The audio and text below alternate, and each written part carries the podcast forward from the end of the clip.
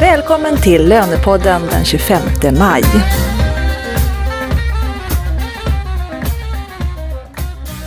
Jag heter Katarina Sand och jag arbetar på rekryteringsbyrån Wise Professionals som bland annat rekryterar och hyr ut lönekompetens. Lönepodden gör vi i samarbete med SRF-konsulterna och Knowit Insight.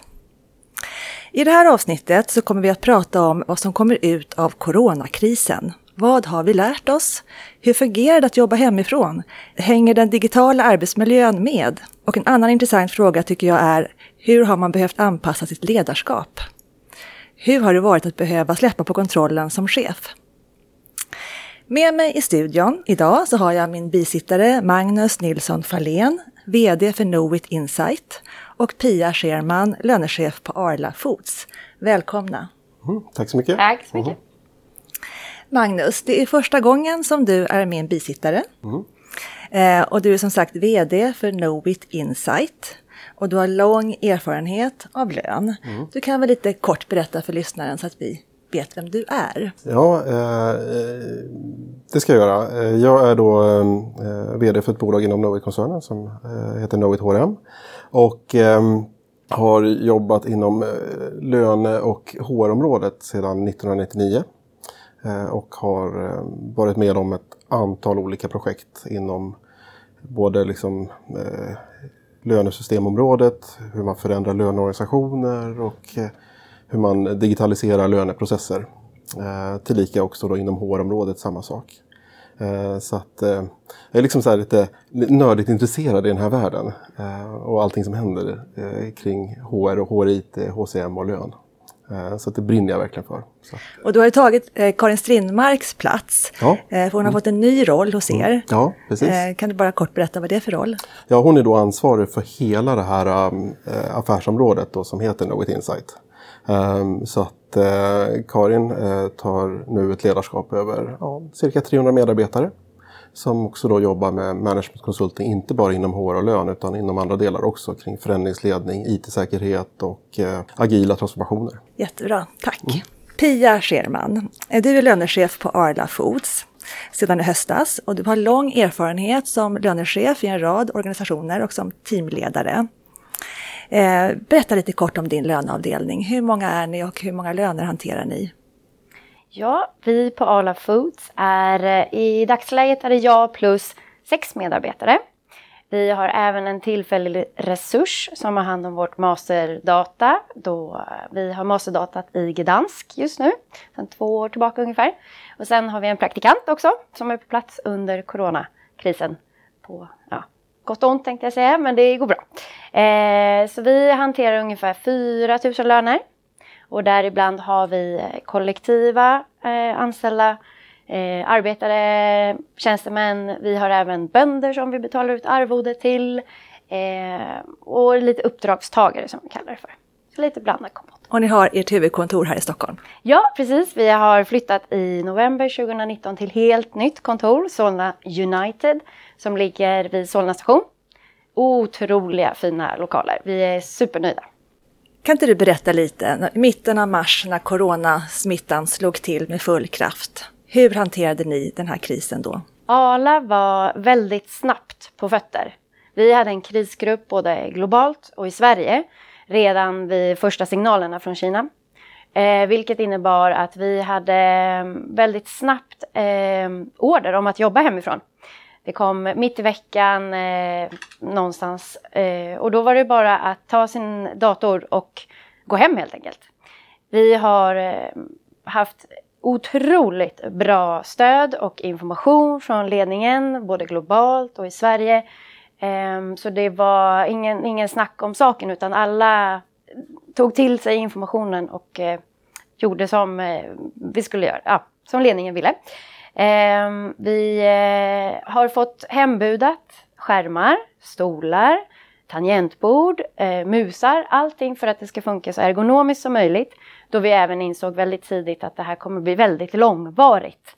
Då den här krisen är tuffare än vad vi trodde från början. Var ni vana vid att jobba hemifrån? Ja och nej. Vissa av oss, av de här sex, hade jobbat hemifrån med eh, bärbar liksom laptop VPN-uppkoppling som funkar helt eh, felfritt.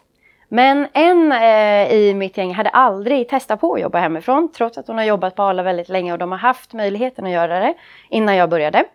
Eh, så hon eh, behövde en genomgång i hur VPN-uppkopplingen funkar. Sen var ju det största problemet, eh, eller den största utmaningen för min avdelning var att allting var i papper. Ingenting sparades digitalt. Inga checklistor fanns digitalt. Allting var tvunget att göras om på några dagar bara. Och hur gick det till? Fantastiskt. Jag är så stolt över min avdelning. Hur de, jag förberedde dem för att jag har gjort en liknande digital transformation på mitt förra jobb. Så jag var förberedd eh, på att vi var tvungna att göra det här förr eller senare. Sen så var det coronakrisen som lite drog av plåstret. Att vi gjorde det eh, snabbare än vad vi var förberedda på för att vi var tvungna. Eh, men jag tror, jag har inte hört någon som har uttryckt minsta liksom farhåga eller rädsla eller hur gör vi det här? Eller så har de pratat när jag inte har hört. Men eh, jag, jag, är så stolt över alltså, hur de anammar det. Att ni bara på några dagar så var ni papperslösa? Ja. Ja, det är imponerande. Ja, det är imponerande. Ja, imponerande. Ja, Men det var för att jag hade förberett och sått små... För jag har hand av våra... Nu kan jag säga fel, men vi har elva mejerier. Jag har hand om två små. Och då visade jag hur jag jobbade digitalt med mina underlag. Allting som kommer in sparas i mappstruktur. Så jag hade förberett och liksom sått små frön. Vilket gjorde att de snabbt kunde hitta sitt eget sätt. Och sen en vecka senare ungefär hade jag individuella samtal. Och då Ehm, blev liksom samspelta i hur vi skulle spara ner underlag och jobba med checklistor och sånt. Så vi, det, jag sådde frön, men det var de själva som tog eh, proceduren och gjorde den till sin egna. Och nu har vi ett likadant arbetssätt och eh, spara ner underlagen likadant. Men vilken enorm förändring! Alltså både jobba hemifrån på heltid och sen denna alltså digitaliseringsprocess som du gjorde bara på någon, någon vecka då. Det är ju ganska intressant när man ser hur, hur snabbt man ändå måste ställa om när det kommer något, liksom ett eh, yttre hot om man säger så. Liksom nu alla blir ganska enade kring att okej, okay, nu löser vi det här tillsammans. Eh, jag tror att man också lägger undan en del gamla käpphästar som man kanske har slagits för eh, internt i organisationer eller ut mot, eh, i sitt kunderbjudande eller liknande. Att det ska vara på ett visst sätt och så här har vi alltid gjort och så vidare. Och, och man börjar ifrågasätta gamla sanningar på ett helt annat sätt. Jag har också medarbetare som nu, vi jobbar ju också då allihopa eh, hemifrån. Eh, och ändå så får jag kommentarer att vi är mer tajta än någonsin. Och det är en ganska intressant utveckling på en, en händelse som man ja, kanske inte ens trodde skulle Men man känner komma. väl någon typ av gemenskap i den här krisen? Ja, är så. Man samlas kring en yttre fiende. Ja, sa. Och nu ska vi göra det tillsammans. Så att, mm.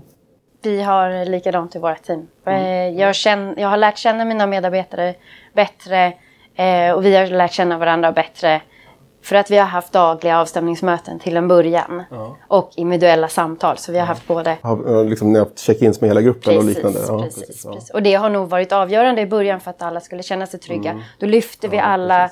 Liksom, det var inte farhågor utan det var snarare så här. Hur gör du med det här? Mm. Okej, okay, tack. Mm. Hur gör du med det här? Okej. Okay. Mm. Då är, ja, jättebra idé. Så vi har delat. Um, så delandet av kunskap och kompetens. Och när någon har kommit på en bra idé, då har det varit fritt fram att dela. Och vi har frågat, mm. ställt bra mm. frågor, smarta mm. frågor, dumma frågor. Det har varit helt öppet. Jag tror att det här är en sak som, som kommer vara någonting som är väldigt positivt som kommer ut ur det här. Eh, att man tar till sig nya arbetssätt och det här att ifrågasätta och kanske sänka idéer i tidigt skede. Liksom för att man har varit lite ja, lite, lite stängd i sitt eget tankesätt. Den, den känslan kommer vi se annorlunda i framtiden. Det kommer bli mycket mer Ett begrepp som är på tapeten nu tycker jag i de här tiderna det är den digitala arbetsmiljön. Hur har den, hängde den med då? Ni, ni gjorde så många förändringar på så kort tid. Att ni kände att, att ja, det funkade fullt ut? Var det, var, fanns det inga utmaningar eller problem eh, när ni väl satt där hemma med alla system och allting?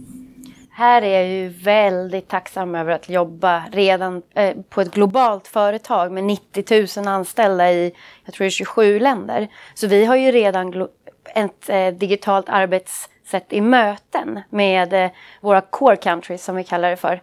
Vi träffas ju regelbundet och pratar. Men den digitala arbetsmiljön på ALA är ju eh, jämfört med tidigare arbetsplatser som natt och dag. Här var vi förberedda.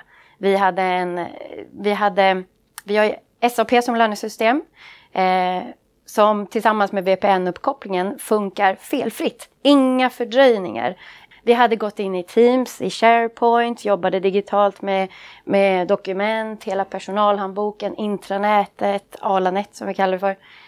Eh, allting var redan digitalt och var det, liksom, det var lite sopad eh, bana, eller vad brukar man säga? Och ni hade även koll på IT-säkerheten då? Eh, ja, absolut. Vi har eh, ett gediget GDPR och IT-säkerhetsarbete som påbörjades eh, ja, direkt när GDPR var aktuellt så att säga. Jag har ju bara jobbat på Arla sedan september så jag kan inte allting i detalj. Mm. Det ska jag säga. Har du hört andra företag hur de har haft det, Magnus, i den här Ja, alltså det har, det har ju varit lite, eh, lite blandad kompott kan man säga eh, kring de sakerna. Det finns ju de som har en, en, en väldigt, eh, som, som Pia nämner här, en väldigt eh, eh, Eh, genomtänkt strategi för hur man ska hantera just eh, digital, eller arbete oavsett ifall man gör det från kontoret eller hemifrån eller från, på resande fot. Eller så, alltså ett digitalt arbetssätt. Um, och sen finns det ju de som har naturligtvis blivit kanske lite tagna på sängen här och, och känner att oj, här har vi fått snabba på eh, utrullningar av olika typer av verktyg. Eh, man kanske inte haft eh, applikationer tillgängliga på det sättet som gör att man kan jobba tillsammans eh, på ett effektivt sätt eh, digitalt. Så det är ju den ena biten och, och det är kanske så att om, om man som medarbetare har en en roll där man har ett, ett fåtal vad ska man säga, verktyg som man jobbar med, ja men då, då har man koll på dem så att säga. Men om man tänker också till exempel eh, chefer och medarbetare då som ska in och göra massvis med saker i olika applikationer. Då måste ju hela deras vad ska man säga, eh, miljö och hela deras digitala eh, verktygslåda verkligen vara sammankopplad också så att man inte behöver ja, logga in på 28 000 system och man ska, man, det ska hänga ihop och man ska få en medarbetarupplevelse och chefsupplevelse att verkligen jobba effektivt på, på ett bra sätt. Eh, och där finns det väl fortfarande en hel del att göra. Det tror jag också kommer vara en av sakerna som, mina, som kommer ut ur den här krisen. att Okej, okay, vad är det vi nu ska förbättra? Och den saken kommer nog vara ett, eh, ett hett villebråd att, att ta tag i. Eh, så är det. Sen var det intressant att höra att, att eh, på Arla så skickar man ut stolar, skärmar och, och, och sådana mm. saker. Det tror jag inte alla gör. Det, det, tror jag långt ifrån alla gör. Um, utan där är det nog mer liksom att oj, nej, men den dagen som ni kommer tillbaka då har ni era kontorsplatser kvar på kontoret och så vidare. Så det finns en problematik i det också. Mm. Jag pratade med ett stort byggbolag här i Stockholm förra veckan och hon berättade att de nu tar fram möbelpaket och IT-paket som de ska erbjuda sina medarbetare i höst om det här kommer att fortsätta. Ja. Mm. Mm, precis. Men då kommer man in på andra saker som att den digitala arbetsmiljön är en sak. Sen är den fysiska arbetsmiljön hemma. Hur, hur är det då? Liksom, har, har alla skrivbord så att det räcker för hela familjen? För det finns ju även Ja, det har ju varit barn som har varit hemma från skolan. De ska ha både arbetsplatser, kontorsplatser och, och uppkoppling och skärmar och allting. Um, man kanske bor trångt precis. Ja. Och där tänker jag också kring alltså just löneavdelningen, om man jobbar hemma med med papper som är sekretessbelagda, inte papper kanske nu då, men ändå på skärmen, mm. det som är sekretessbelagt. Hur man, och kan man kanske överhöra någonting i familjen som man pratar i telefon kring och så. Hur, mm. hur har ni hanterat det? Vad har ni för, liksom, för förhållningsregler kring det på löneavdelningen hos er? Pia? Um, jag tror att som lönemänniska så har man det i ryggraden, allting som är sekretessbelagt. Det är oerhört känsligt material. Eh, såväl löner som sjukdom, allting, funktionsnedsättning, vad som helst är ju känsligt. Så det är någonting som eh, det lär man sig från första dagen man sätter foten på en löneavdelning. Sen blir det ju såklart ett problem när min man som sitter på övervåningen jobbar på TV4 och inte har samma, alls samma saker som han pysslar med. Men eh, jag tror att eh, det är ingen heller som är nyfiken eller går och tittar på varandras skärmar. Det har inte varit någon stor fråga verkar det som? Då. Nej, nej, nej, den har inte ens varit på tapeten. Nej. Just för att vi förutsätter och har tillit till våra medarbetare. Mm. Att eh, alla vet exakt hur känsligt materialet är. Mm. Det där med tillit tycker jag är intressant nu. För att eh, det är ju så att det, det är inte alla som tidigare har vågat släppa faktiskt sina medarbetare att jobba hemifrån, om man säger så. Men nu har man varit tvungen till det. Hur har, det, hur har du liksom, din, ditt ledarskap förändrats i detta och ditt tankesätt kring det här med ja, tillit och förtroende? Um, jag har tidigare jobbat på arbetsplatser där det här har varit en svår fråga faktiskt. Um, Ala har ett annat synsätt från ledarskapet uppe på toppen ner till, inte mejerierna, men till eh, oss på mm, kontoret. Att vi pratar ju redan nu om att det här är en ny tillvaro och vi kommer aldrig mer kanske vara samlade på kontoret alla 350 igen. Utan att jobba hemifrån kommer inte längre och har inte varit en större sak. Eh, min tillit till mina medarbetare är enorm i och med att de har ju 30 års erfarenhet några av dem på Ala. De vet exakt vad de ska göra. Vi har dagliga avstämningsmöten. Sen om de gör det klockan sju på kvällen eller klockan sju på morgonen. Det, har, det, det spelar liksom ingen roll. Mm. Så länge vi har avstämningsmöten och jobbet blir gjort och eh, alla känner att de har tillit till mig och som ledare och vet vad jag gör och jag med dagliga avstämningar. För mig mm. spelar det ingen roll om man gör det på åtta timmar eller på fem timmar. Och det där är också en intressant mm. fråga då. För att hela, vårt löne, hela vår lönestruktur är ju uppbyggd kring lön per arbetad timme. Vad får det där för konsekvenser? Jag lyssnade på en podd häromdagen som eh, jag tror det var, mm, var det Svante Randlertz, chefssnack. Eh, där vi pratade med en eh, futurist som pratade om att det här med ar fast arbetstid, framförallt 8 till 5 på kontoret, kommer försvinna helt. Även 8 timmarsdagen för, kommer försvinna helt. För det finns de som gör ett lika effektivt jobb på fyra timmar. Jag tror att det är ett begrepp som är lite i svajning helt. Ja, för vissa målgrupper tror jag att det Absolut, är så. Ja. självklart. Herregud. Så att, de som, det, det kommer bli en uppdelning tror jag. Att de som har möjlighet att göra det, de kommer ta den möjligheten och dra det till sin spets verkligen. Och vara väldigt fria i sin yrkesutövning. Eh, medan sen har vi då arbeten som, ja, som är liksom, de måste vara fysiskt på plats. Jag tänker på vårdpersonal, eh, ja, vi pratade tidigare om busschaufförer till exempel. Ja, våra mejerier går ju ja, runt dygnet runt. Så, så, att det kommer bli en än större diskrepans mellan olika typer av medarbetarkategorier. Eh, och det måste man också då hantera som, som företag och som organisation. Jag tänker på det här, eh, de som har möjlighet att kanske jobba hemifrån, även på en löneavdelning. Det är ju inte alla som har det heller, för det finns ju verksamheter som har väldigt höga skyddskrav, eh, säkerhetskrav. Eh, det ska vara fysisk säkerhet. Eh, vi har eh, till exempel eh, myndigheter eller företag inom väldigt eh, vad ska man säga, informationssäkerhetsklassade eh, branscher som också då måste eh, hantera saker och ting på ett, på ett kanske lite annat sätt. Eh, jag har varit med om när jag jobbade tidigare på en stor eh, outsourcingfirma då, då, kom kunden, då kom kundens säkerhetsavdelning och mätte avståndet från lokalen till nästliggande fastighet för att mäta hur stor var sannolikheten för att någon skulle kunna kika in och titta på skärmarna från en annan fastighet.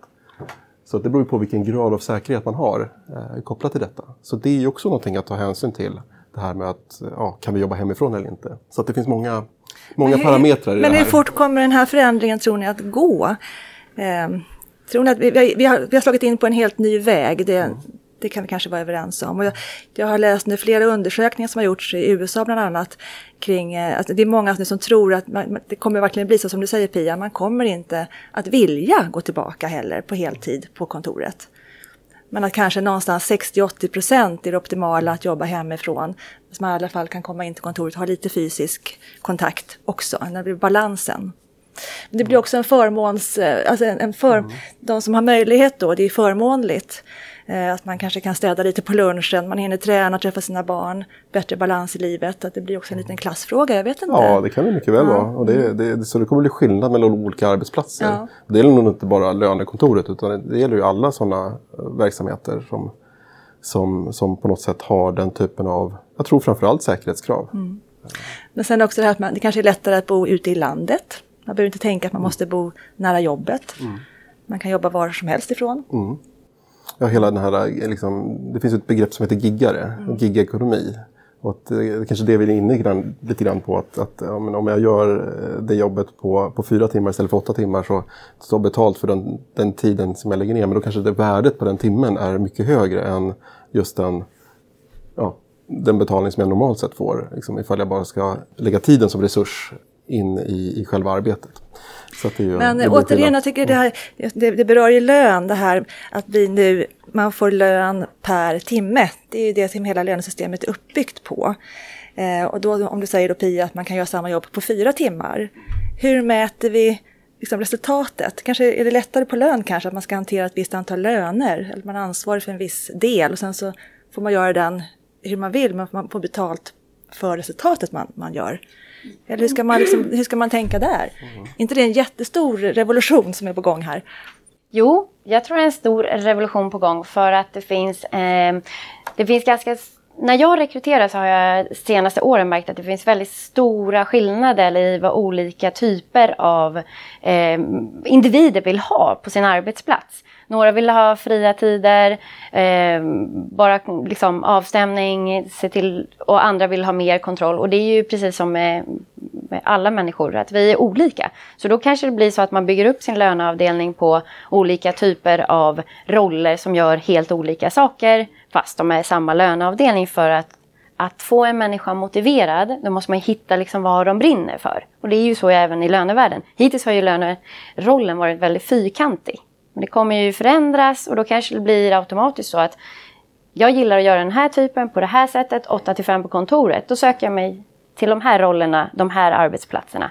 Och så de som är friare i sitt tänk, jag vill jobba söndag förmiddagar för då är jag pigg och fräsch. De kanske söker sig till en annan typ av arbetsplatser, kulturer och andra typer av roller. Så det kommer ju ställa liksom ytterligare krav då på ledarskapet helt enkelt? Tveklöst. Mm. Ja, och planering av tid också, för det finns ju organisationer som också till exempel har interna SLA-tider, att ja, men man ska vara tillgänglig då eh, inom vissa tider. Eh, ja, men vi har support internt eh, öppet eh, 9 till 16, eh, måndag till fredag. Ja, då måste ju den också vara bemannad. Så det blir också en, en skillnad i vilka som får välja själv fritt när man kan jobba och vilka som faktiskt också då måste förhålla sig till någon form av schemalagd tid. Så det är också en ledarskapsfråga att hantera det. Att allting blir inte lika kanske rättvist som, som tidigare. Och det, det där är tror jag, en, en, fråga. Det kommer, hela, hela det här sättet att arbeta annorlunda för vissa medarbetarkategorier kontra andra kommer ändå kanske också upplevas som lite mer orättvist. För vissa har möjligheten att göra det, andra kommer inte ha möjligheten att göra det. Och det kommer också bli en konkurrensfaktor. Mm. Att om man inte kan erbjuda att jobba hemifrån så kanske man inte är intresserad av att ta det jobbet. Nej. Om man nu vill jobba hemifrån. Och, och tvärtom då, ja, att man kanske vill ja. jobba på kontoret så finns det kanske även sådana platser ja. kvar. Då. Och vissa, kommer, vissa kanske måste säga så här, ja, ni måste vara här mellan tid klocka så och klocka så. Pia, hur, rekryteringen, hur kommer den gå till framöver? Kommer du att rekrytera online tror du? Um, vi har redan inlett det på Ala. Vi har um, tre stycken som jobbar med Talent Acquisition Aha. på Ala.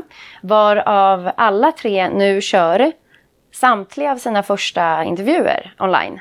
Sen träffar, jag tror att det går till så här att chefen och eh, rekryteraren sen träffas i ett liksom, senare skede. Men alla intervjuas online just nu. Och det kommer de fortsätta med, eh, har min kollega Gustav meddelat. Då det blir mycket lättare att hitta en första intervjutid. Och den första eh, intervjutiden är ju avgörande för liksom bara sålla lite, så, känna på människor och se hur det är. Så det för kandidaten också, man slipper restid fram, till, absolut, fram och tillbaka. Och absolut, om man bor till exempel i Umeå och söker ett jobb i, Sver i Sverige, i Stockholm. det är betydligt enklare. Exakt, exakt. Så det är redan på gång. Det kan också bli bättre intervjuer, tänker jag. Att, att det blir på något sätt mer eh, neutralt och, och um, bättre bedömning initialt och inte så mycket känslomässigt. Eh, det. Men det är klart, det finns ju rekryterare som är proffs på detta som hanterar detta ändå naturligtvis. Men för den oinvigde så kanske det till och med är lättare initialt i alla fall.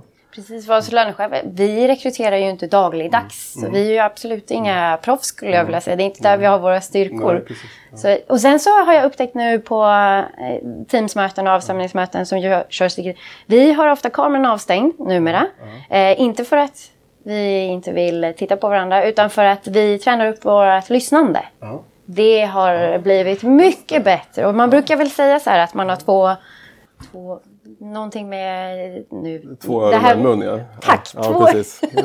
två ögon, Ja. öron och en mun. Två öron och en mun. Mm. Ja, man ska ju lyssna dubbelt så mycket som man pratar. Precis. Så att det, det är så. Eh, Men jag tänker där på att det kan också vara en fråga det här med att man stänger av. Ibland så är det bra att man har video på och ibland är det bra att man eh, stänger av och så vidare. Och tyvärr är det så att i vissa möten så har det varit så att att då, sådana saker bara som att bandbredd och, och uppkopplingshastighet har ju varit problem. Eh, och att man då också måste se till att man har det hemma på en adekvat nivå. Och de som inte har det, nu är vi så lyckligt lottade i Sverige att väldigt många har väldigt god uppkopplingshastighet liksom på, sina, på sina bredband och liknande.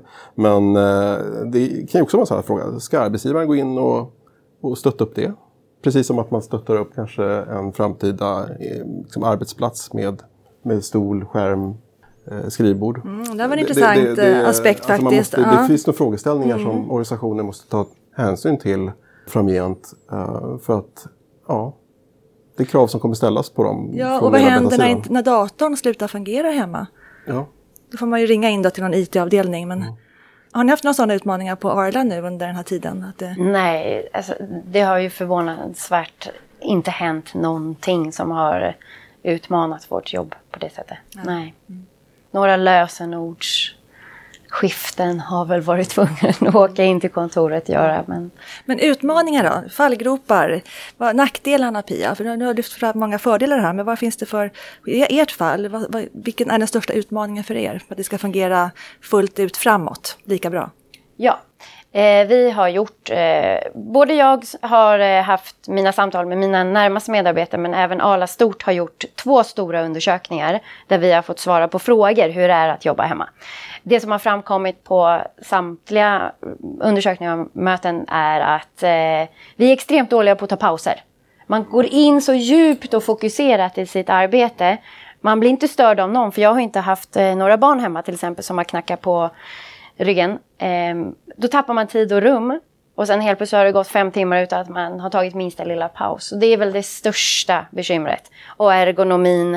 Eh, men vi försöker uppmuntra medarbetare att ladda ner Teams-appen och ta promenader när vi har möten.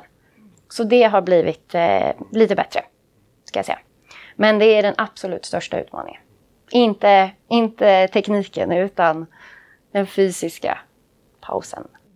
Men jag tror också nu är det ju så att löneavdelningarna har ju även i, i coronatider väldigt mycket att göra. Det är ju fortfarande liksom högtryck. Eh, om man tar medarbetare som kanske då blir påverkad på ett annat sätt och inte har så mycket att göra och ska jobba hemifrån. Så då har man ju liksom en annan arbetspsykosocial eh, fråga att, att ta hand om. Liksom hur motiverar man och, och hanterar man medarbetare som kanske också känner och nu måste jag jobba hemifrån och sen samtidigt har jag lite mindre att göra. Den frågan är ju Och alla har inte lika bra självdisciplin heller. Nej, nej precis. Klarar av det här. Mm, precis. Och sen kan ju ensamheten kanske ta över också. Man känner sig isolerad och man ja, blir ledsen. Och det, det kan bli en negativ spiral där också. Det kan finnas lite risker. Absolut. Det, Absolut. det tror jag säkert. Och det är många har nog byggt upp sitt arbetsliv också genom att åka till ett kontor, träffa kollegor och ha det som en rutin. Eh, och, och då, bygg, där kan ju omställningen bli jättestor. Och då tror jag också att ledarskapet kommer nog tvinga fram en, en, den här, ja, en mycket större närhet. Eh, och, och inte bara eh, i, i form av att eh, beordra någon att utföra arbetsuppgifter utan verkligen ha liksom en mycket mer eh, social eh, kontakt, eh, om än inte då fysisk. Nej. Hur har ni gjort på Arla? Har ni haft någon rolig digital träff? Någon AV eller någonting lite annorlunda som är lite ten- energi? Vi givande. Har, ja, varje onsdag har vi digitala kaffen. Kaffe, digital coffee meet fika. Um, och sen har vi haft AVs tillsammans med vår HR operationsgrupp. Men i fredags var det AV med hela Arla.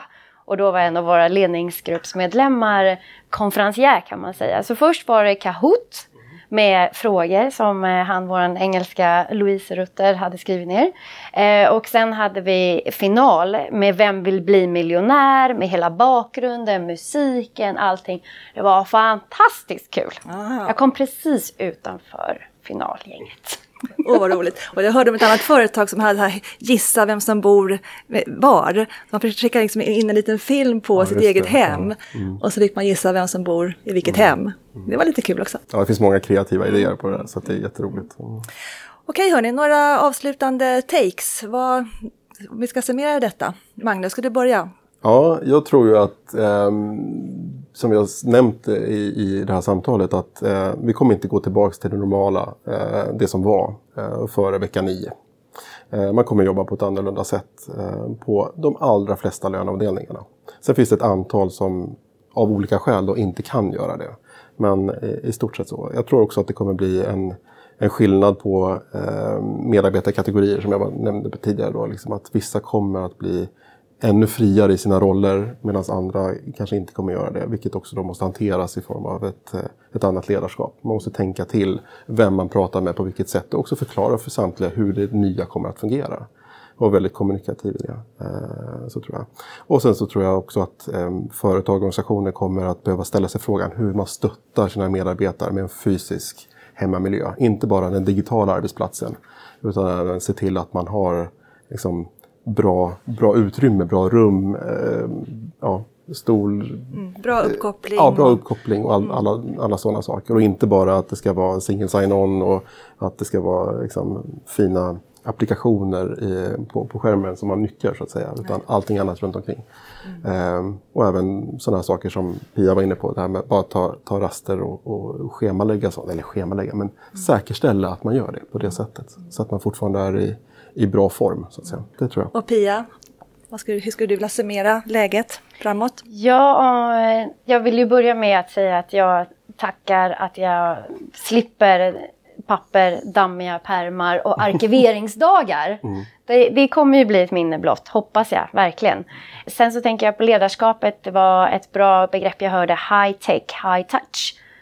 Och eh, med det betyder ju inte att röra människor utan att eh, beröra, vara nära, precis mm. som du sa. Vara mm. en helt annan typ av mm. ledarskap där man måste vara intresserad av människor mm. och kunna läsa av mm nyanser av mm. röster och titta på. Det blir en helt annan typ eh, av eh, egenskaper och kompetenser mm. som mm. framodlas. Och sen så, um, vi på Arla har börjat faktiskt redan med Back to the Future sessions. Så vi förbereder hela personalstyrkan för vad den nya, the new normal kommer betyda. Och i det finns ett growth mindset som vi redan har börjat odla. Att vi måste börja tänka, och det började faktiskt innan corona. Mm, ja, intressant. Mm. Mm. Tack så mycket hörni. Mm. Tack själva.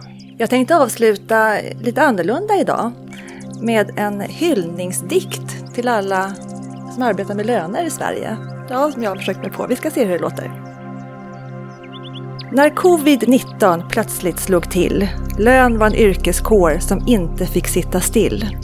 Sociala distanseringen hade ett högt pris. Många företag hamnade i kris.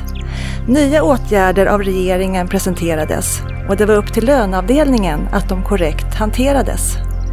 Några ovanliga lönemånader har nu passerat och det är härligt att se vad ni har presterat.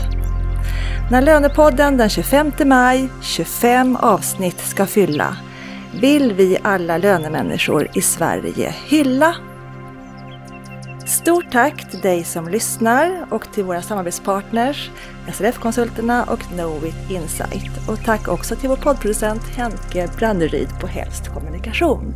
Och vi hörs igen den 25 juni. Hej då! Hej då!